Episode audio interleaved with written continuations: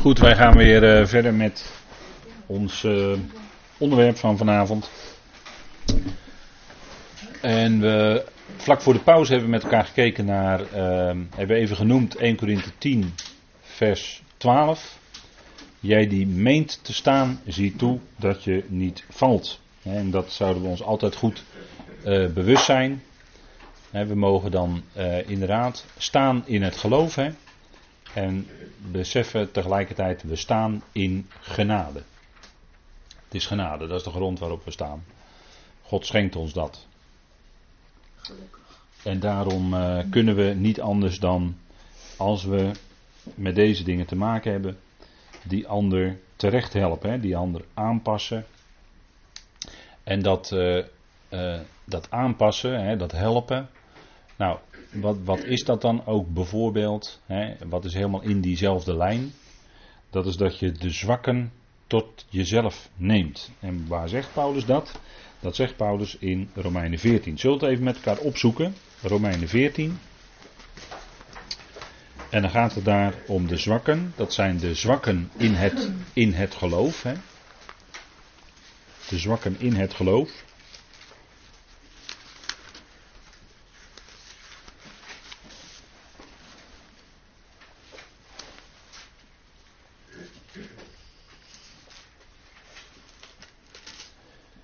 Romeinen 14, vers 1. Aanvaard dan wie zwak is in het geloof. En wie is nu zwak in het geloof? Nou, dat, gaat, dat maakt het vervolg wel duidelijk. He, maar Paulus zegt: aanvaard dan wie zwak is in het geloof, maar niet om over meningsverschillen te strijden. He, niet om doorredeneringen te beoordelen. En eh, dan gaat Paulus daar wel op in. En dan, dat doet hij dan tot en met hoofdstuk 15, vers 7. Dat is een lange gedeelte waarin het gaat om zwak en sterk. Nou, wie is nou zwak in het geloof? Dat zijn degenen die, waarvan, uh, die menen van dat je niet alles mag eten. En dat heeft dan te maken met uh, bepaalde spijswetten. En die menen dan dat je het een niet mag eten en het ander wel enzovoort. Nou, dan ben je bezig eigenlijk met bepaalde regelgeving omtrent het eten. En dat kun je natuurlijk invullen op alles wat je maar wil. Maar als je daar erg op richt, dan zegt Paulus, dan is dat eigenlijk zwak zijn in het geloof. En wie is dan sterk in het geloof? De sterke in het geloof, die leeft en staat en handelt uh, in de genade. Maar u begrijpt, daar is natuurlijk een groeiproces aan vooraf gegaan. Voordat je sterk bent in het geloof. Hè, voordat iemand als een sterk mens uh, in het leven staat en uh, alle, alle vereiste dingen kan doen die het leven eist. Voordat iemand zo sterk is, dan is daar eerst een heel groeiproces aan vooraf gegaan. U begrijpt natuurlijk dat iemand die een baby of een kind is, die kan dat niet. Nee, die moet gevoed en gekoesterd worden en beschermd. Totdat sterk genoeg is en volwassen groot genoeg is om zelf in het leven te kunnen staan. Nou, zo geldt het ook met geloof. Iemand die zwak is in het geloof, nou, die uh, moet eerst aansterken voordat die echt zo sterk kan zijn dat hij niet langer allerlei uh, regels en voorschriften nodig heeft, maar leeft met de Heer en vanuit dat leven zijn leven leeft en op die manier uh, de zwakke kan helpen. Want dat is natuurlijk ook een punt. Als jij sterk bent in het geloof, dan is dat heel fijn, maar dan kun je die zwakke ook helpen. Dan kun je elkaar, hè, dan kun je die zwakken aannemen, hè, aanvaarden. Of letterlijk staat er tot jezelf nemen. Dat we zeggen, je, neemt, je slaat als ware, hè, figuurlijk gesproken, de arm om iemands schouder. Die neem je tot je. En die kun je dan aanspreken en bemoedigen en versterken. En zo meenemen en alles doen wat nodig is, dat die ander ook sterker wordt in het geloof want, want, wat is nuttig in het lichaam van Christus? wat wij doen, wat is dan nuttig? Paulus zegt, alle dingen zijn mij geoorloofd. En dat zegt hij nou net tegen de verkeerde gemeente. Denken wij dan, hè? Denken wij dan. Tegen de Corinthiërs. Wij zouden zeggen, ja, dat moet je juist niet zeggen tegen die Corinthiërs. Want die leefden, die leefde, die leefde een leventje wel hoor, die Corinthiërs. Hè? Er was nogal wat aan de hand in die gemeente. En juist tegen die Corinthiërs zegt Paulus, alle dingen zijn mij geoorloofd. Maar dan is de zin nog niet af, hè, dat weet u. Maar niet alles is nuttig. En wat is nou nuttig? Wat is nou nuttig? Nuttig is datgene wat is tot opbouw van de gemeente. Nuttig is datgene wat is tot opbouw van ons geloof. En dat is allereerst van jezelf. En hoe kun je jezelf je geloof opbouwen? Nou, niet, in ieder geval niet nalaten om te horen naar het woord. Dat is de allereerste vereiste, denk ik. Hè? Paulus had het, eh, dat hebben we net gelezen, hè? Paulus had het bij die Corinthiërs over melk. Hè? Een bepaalde vorm van voedsel. Maar een baby geeft je melk. Het schijnt zelfs dat melk drinken voor volwassen mensen helemaal niet zo goed is als dat vaak gezegd wordt. Daar heb ik wel eens wat over gelezen. Maar laat ik niet over voedsel beginnen. Want um, bij, bij voedsel dan kun je, uh, wat je ook noemt, maar je kunt in de media dan terugvinden dat het slecht is en dat het goed is voor je. Wat je ook maar noemt. Hè? Vis, vlees, brood met gluten of zonder gluten, uh, maakt allemaal niet uit. Het kan zowel goed als slecht zijn, het is maar net welke bron je raadpleegt. Zo is het tegenwoordig. Dus ik zou gewoon zeggen, gewoon lekker een boterham met kaas, die neem ik elke dag mee naar mijn werk. Maak Lies altijd voor, maak Lies altijd voor me klaar. En uh, het smaakt altijd prima. Maar kijk, melk geef je aan kleine kinderen, aan baby's. Vast voedsel geef je als je groter gegroeid bent. Nou, zo was het met die Corinthiërs ook, zo is het ook in het geloof. Je hebt altijd voedsel nodig. Voedsel uit het woord van God, melk, dat zijn de grondbeginselen. En vast voedsel, ja, dan ben je wat verder. Dan ben je wat verder. en naar de tijd gerekend, ja. Maar, kijk, aanvaard, die sterke, die zouden dus die zwakke aanvaarden in het geloof. En dat is eigenlijk dezelfde lijn als die ook hier in het gelaten 6 vers 1 zit. die ander juist helpen. Die ander op de goede manier bemoedigen. Nou, dat, dat is helemaal Romeinen 14, vers 1 en het loopt helemaal door tot 15, vers 7. Hè. Dat hele hoofdstuk gaat over. En dat, daarin zit ook ons jaarthema trouwens. Hè. Alle knie zal zich buigen, enzovoort. Hè. Fantastisch fijn jaarthema. Nou, daar zul, van de zomer zult u daar best nog wel wat meer over te horen krijgen. Maar in ieder geval, Paulus behandelt daar allerlei dingen. Hij heeft het daarover wat je eet, wat je niet eet. Hè. In vers 21 heeft hij het er nog over. Hè. Bijvoorbeeld, hoofdstuk 14, vers 21. Het is goed geen vlees te eten, geen wijn te drinken. En niets te doen waaraan uw broeder aanstoot neemt. Waarover hij struikelt of waarin hij zwak is. Zo. Dat is voor ons een belangrijke aanwijzing, denk ik. Als wij in het bijzijn van anderen iets zouden doen waarvan we weten dat die ander daar heel moeilijk mee zou hebben, vanwege het geweten of vanwege zwakheid of welk punt dan ook, dan zouden we dat vermijden. Paulus zegt in 1 Korinthe 8 zelfs dat hij zelfs voor de Aion geen vlees zou eten, als zijn broeder daardoor aanstoot zou nemen en daardoor in zekere zin verloren zou gaan. Niet, niet verloren voor de Ionen, maar verloren zou gaan in omgang in dagelijks leven met elkaar als broeders en zusters. Dat bedoelt hij dan. En zegt hij nou, zou ik voor de Aion geen vlees meer eten, als die broeder zich daar aanstoot aan zou nemen. Kijk, dat, dat is de fijngevoeligheid van de liefde. Zo neem je ook een zwakke mee in het geloof. Daar zouden we ons uiterste fijngevoeligheid in betrachten. En, en Paulus bidt niet voor niks in Filippenzen om liefde met fijngevoeligheid. Liefde met. Hè? Liefde met. Liefde met fijngevoeligheid. Want oh, oh, oh, wat zijn we soms ongevoelig als we met, met elkaar omgaan, denk ik wel eens. Och, wat zijn we ongevoelig. Soms sta je erbij en dan denk je, weet je wel wat je zegt, joh. Weet je wel wat je zegt, besef je nou wel wat je zegt. Maar dat denk ik dan alleen maar. Anders zou je misschien nog, hè, zou je misschien nog erger maken. Maar waarin je broeder aanstoot neemt, waarin hij struikelt of waarin hij zwak is. Wat, welk punt het dan ook maar is. Betracht gevoeligheid naar elkaar toe. Nou, dat is enorm belangrijk, hè? De zwakke tot jezelf nemen. Lasten, hè? Paulus zegt, draagt elkaars lasten en vervult zo de wet van Christus. Galaten 6 vers 2. He, draagt elkaars lasten, dat is dan in het christendom vaak een gevleugelde uitspraak. waarmee dan vaak heel iets anders wordt uitgelegd dan Paulus hier werkelijk bedoelt. Maar goed, draagt elkaars lasten. En dat woord last, dat heeft te maken met zwaar. Iets dat zwaar is. Wat het dan ook maar is voor die medegelovigen. Hè, denk even aan vers 1. Hè, het gaat om iemand die een, een krenking, door een krenking gegrepen is. Dat zal voor die betrokkenen zelf al in verreweg de meeste gevallen een zware last zijn. Daar gaat iemand sowieso al onder gebukt. Als diegene tot het besef is gekomen wat hij gedaan heeft.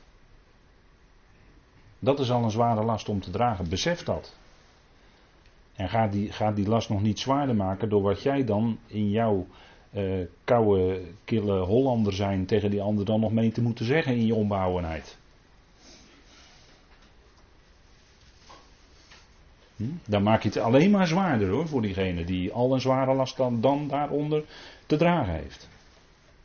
Die gaat misschien dan gebukt onder allerlei gevolgen van, van wat hij of zij gedaan heeft. Nou, hè, laten wij dan die lasten meedragen. We zouden elkaar toch verdragen in de liefde dat is niet de ander uh, omdat het nou eenmaal nou maar moet tolereren. Nee, natuurlijk niet. Nee, elkaar verdragen in de liefde. En in dat verband van Efeze 4 gebruikt Paulus ook dat woord zachtmoedigheid. Want dit zouden wij doen in een geest van zachtmoedigheid. He, Galaten 6, vers 1 en 2. Een geest van zachtmoedigheid. Draagt elkaars lasten. Kijk, dat is helemaal in de lijn van het evangelie. Dat is helemaal in de lijn van de liefde van God. en vervult zo de wet van Christus. Kijk, en wat is de wet van Christus? Dat is natuurlijk niet de wet van Mozes. Daarmee bedoel ik, dat is niet wetticisme zoals onder de wet bij Mozes. Maar wat is nou die wet van Christus? Nou, dat is dit. Want Paulus zegt: Kijk, behandel die ander dat je die ander terecht kan helpen. Helpen. En behandel die ander zo dat je die ander helpt meedragen die last. Dat je die last voor die ander verlicht. Dat is de wet van Christus. Dat is de liefde betonen. laat u niet op verkeerde been zetten door het woord wet. Want Paulus bedoelt hier de wetmatigheid van Christus. En de wetmatigheid van Christus is de wandel in de liefde. De liefde, de agape, is dat. Nou, dat komt helemaal naar voren ook in Romeinen 15. Hè. Bij die sterk zijn, zegt Paulus in Romeinen 15, vers 1, zijn, ja, nou zegt de vertaling, mijn vertaling hier helaas, zijn verplicht. Hè. Maar dat staat er dan niet. Bij die sterk zijn, uh, dragen de zwakheden van hen die zwakker zijn of die niet sterk zijn mee. En we behagen niet onszelf. Want op het moment dat jij de ander gaat helpen en als het ware jij graag wil dat alle anderen dat ook zien, dat jij zo goed helpt, dan ben je alweer aanmatigend bezig. Maar we zouden niet aanmatigend zijn, zegt Paulus. Laten wij niet aanmatigend zijn maar gewoon in stilte misschien elkaar helpen. In stilte hoeft verder niemand te weten. De Heer weet het toch? Dat is toch voldoende? Dat je die ander helpt. Nou, lasten hè. Alle zwaarheden, alles wat zwaar is voor die ander, meehelpen dragen. Zodat het voor die ander lichter wordt om te dragen. Nou, dat is, dat is helemaal het evangelie. Hè? En Paulus zegt dus in Romeinen 15, laten wij daarom in ieder van ons zijn naaste, hè, degene die je naast staat, behagen ten goede tot opbouw. Die ander behagen ten goede tot opbouw en dat is nuttig. als je nou wilt nadenken over wat is nou allemaal geoorloofd, nou dus dit, dit is geoorloofd. Uh, de naaste behagen ten goede tot opbouw, dat is nuttig. Dat is nuttig, dat is tot opbouw van de gemeente. En dan ben je dus helemaal bezig in de praktijk met elkaar om te gaan. Hè? En, en dat is waar, waar Paulus altijd zo bijzonder fijn op wijst. Kijk, de wet van Christus, dat, die noemt hij ook in Johannes bijvoorbeeld. Hè? De wet van Christus. En daar, daar kijken we even naar in Johannes 13. Daar wordt die wet van Christus ook genoemd. Hè? U zult daar vaak ook in uw Bijbel terecht een verwijzing naar vinden, want dat, dat is zo. Hè? Johannes 13, dat is in die lange redenvoering die de Heer houdt in de opperzaal, hè, als hij met zijn discipel is. En dan moet u beseffen dat het vlak voor het kruis is. Hè? Dat de Heer weet dat hij binnen enkele uren zelfs gekruisigd gaat worden. En dan zegt hij deze dingen allemaal. En dan zegt hij deze dingen allemaal. Johannes 13, 14, 15, 16, 17. En enkele uren later, binnen 24 uur, is hij gekruisigd. Hierna. Ik hoop dat u dat beseft. Hè? En wat, in wat voor een geest hij dan met de discipelen spreekt. Nou, dat is, dat is eigenlijk, als je dat beseft, ja, dat is heel bijzonder. En dan zegt hij in vers 33, Johannes 13, lieve kinderen, nog een korte tijd ben ik bij jullie, jullie zullen mij zoeken en zoals ik gezegd heb tegen de Joden, zo zeg ik het ook nu, waar ik heen ga kunnen jullie, nu, kunnen jullie niet komen. Een nieuw gebod geef ik jullie, dat jullie elkaar lief hebben. Zoals ik jullie lief heb, dat staat daar in de aorist, dat jullie ook elkaar lief hebben. Hierdoor zullen alle inzien dat jullie mijn discipelen zijn, als jullie liefde onder elkaar hebben. Dat zou het kenmerk zijn van alle gelovigen, dat de liefde van God werkt, daadwerkelijk werkt onder de gelovigen dat jullie liefde hebben. Dit is de wet van Christus, de wetmatigheid. Dat jullie elkaar lief hebben. Dat zegt hij tegen ze. Dat is de wet van Christus. Nou, meer, dat is gelijk het hoogste wat er is. Elkaar lief hebben met de liefde van God. De agape. En hij noemt dat ook in Johannes 15, vers 12. En dat liefhebben is niet incidenteel. Dat is niet af en toe eens een keer. Maar dat liefhebben is door de jaren heen. Dat is over een langere periode. Een hele lange periode zelfs. Kan het zijn. En dan zegt hij in Johannes 15. En dan lees ik met u even vanaf vers 9 voor het verband. Zoals de Vader mij lief heeft, heb ik ook jullie lief. Blijf in mijn liefde. Als jullie mijn geboden in acht nemen, zullen jullie in mijn liefde blijven, zoals ik de geboden van mijn vader in acht heb genomen en in zijn liefde blijf. Deze dingen heb ik tot jullie gesproken, opdat mijn blijdschap in jullie zal blijven en jullie blijdschap volkomen zal zijn. Dit is mijn gebod, dat jullie elkaar lief hebben, zoals ik jullie lief heb. En dat liefhebben, hè, zoals ik jullie lief heb, dat staat hier ook weer in die aorist. Hè, dat is een feit, wat niet aan tijd gebonden is. Niemand, vers 13, heeft een grotere liefde dan deze, dat iemand zijn leven geeft voor zijn vrienden. En er staat dan dat iemand zijn ziel geeft voor zijn vrienden. En dat is wat de Heer deed. Dat is wat de Heer deed. Hij heeft zichzelf overgegeven, totaal, in afhankelijkheid van de Vader. Voor, niet alleen voor zijn vrienden, maar ook voor zijn vijanden. Hij heeft het ook gedaan voor zijn vijanden. Juist voor zijn vijanden zou ik misschien wel willen zeggen. En hij heeft de discipelen lief. Hij ging met ze om, met al hun hebbelijk en onhebbelijkheden. En hij wist van meet af aan dat Judas hem zou overleveren. Dat wist hij. Van meet af aan. Hè. Op het moment dat hij Judas riep om hem te volgen, wist hij dat Judas hem zou overleveren. Hij wist het. En moet je eens even nagaan wat dat dan betekent. Hè? Dat hij 3,5, misschien wel 4 jaar, of 3, 3,5, 4 jaar, wat zal het zijn, met ze is opgetrokken. En al die tijd wist hij dat Judas de slang was die hem zou verraden. Hij wist het. En moet je eens nagaan wat voor een, met, met wat voor een liefde hij dan met, ook met Judas is omgegaan. Hè? Wetend natuurlijk dat Judas dat ook moest doen. Maar met wat voor een liefde dan? Hè? En, en dan daarna ook een Petrus, wat ik al een paar keer genoemd heb vanavond.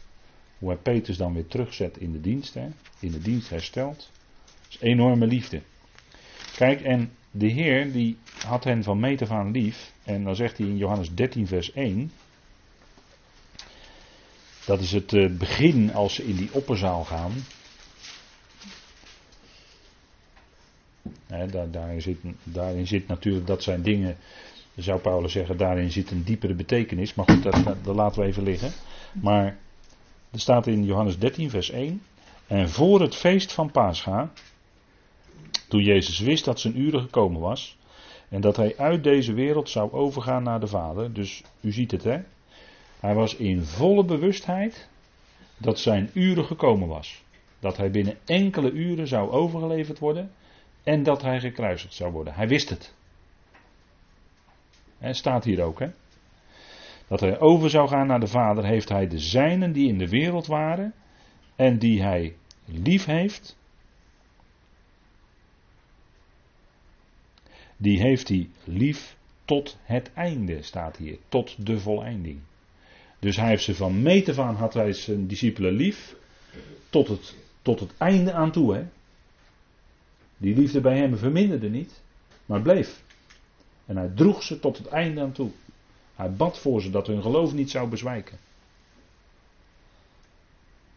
En, en toen die drie in de hof van Gethsemane, hè, toen zijn discipelen in de hof van Gethsemane in slaap waren gevallen, toen veroordeelde hij ze niet hoor. Want hij wist hoe zwak de mens is in zichzelf. Hij wist het. Maar hij was in die moeilijkste uur daar in Gethsemane. En, en hij, hij, hij bad. En er kwam eh, zelfs, zelfs bloed enzovoort. Maar hij bad vurig tot de Vader. En hij schikte zich in wat Vader wilde. En juist in die moeilijkste uren lagen zijn discipelen te slapen. En veroordeelde hij toen zijn discipelen? Nee. Hij nam ze mee. Zachtmoedig als hij was. Niet veroordelend. Hij wist wat de mens is. En hij heeft ze lief gehad tot het einde, hè, staat er dan ook. Tot het einde, tot de volleinding. He, hele, de hele rit. Tot het uit, einde aan toe. En dat is een geweldig voorbeeld hè? In, in gezindheid, in liefde. Ja, dat is uh, iets wat we, wat we goed mogen beseffen. Hè?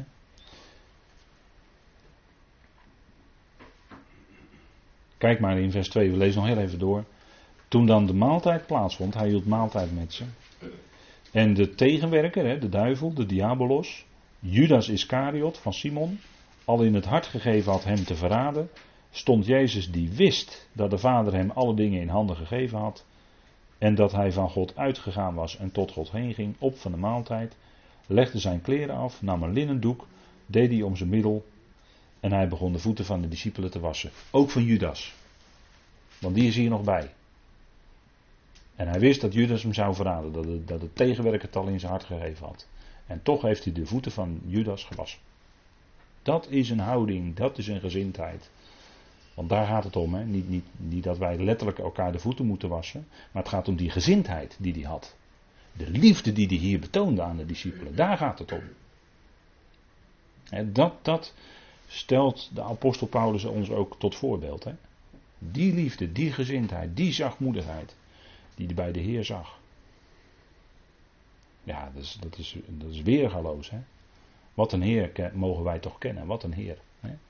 Onvoorstelbaar dat hij alles dit heeft overgehad. Voor ons, voor de hele wereld, voor die tegenstander, voor alles, voor iedereen. Ja, dat is heel diep gegaan. En kijk, daarmee kan de Heer uiteindelijk iedereen terechtbrengen. He, dat, dat is het geweldige. God kan hierdoor iedereen terecht helpen. Uiteindelijk zal hij ook doen. Zal iedereen terecht helpen. Aan het eind van zijn grote plan. Maar goed, laten we nog even een enkele tekst opzoeken in Thessalonicense, dan gaan we daarmee afsluiten. 1 Thessalonicense 5, vers 14.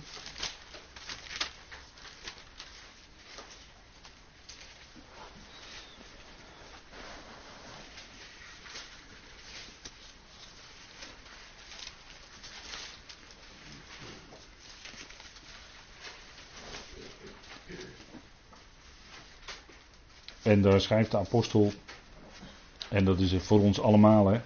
En wij roepen nu ertoe op, broeders. Hen die, en er staat in mijn vertaling, ordeloos leven. Hè, maar er staat eigenlijk degene die zich niet willen schikken. En degene die zich niet willen schikken in, in de orde, om het zo maar te zeggen. Hen terecht te wijzen. En dan staat er voor dat terechtwijzen staat eigenlijk een woord dat te maken heeft met het denken, de denkzin van diegenen in de juiste richting zetten. zodat diegene, met het oog op, dat diegene zich ook gaat schikken in die ordening. zo. De moedelozen, dus degenen die uh, zwak van hart zijn, figuurlijk gesproken, te bemoedigen de zwakken te ondersteunen en met allen geduld te hebben. Dat, dat ligt helemaal in de lijn van Galaten 6 vers 1 ook hè? En, en vers 2. de zwakken te ondersteunen, de moedelozen te bemoedigen, de zwakken te ondersteunen en met allen geduld te hebben. In het besef van wat een geduld heeft de Heer met u en met mij. Wat een geduld heeft hij met ons allemaal. Hè? Nou, zo kunnen wij ook dan vanuit dat besef met elkaar geduld hebben. En dat is dan weer, en dan zijn we weer terug in gelaten. Dat is weer een stukje vrucht van de geest. Als je met elkaar geduld hebt en zo elkaar ver kan dragen. Goed, tot zover voor vanavond.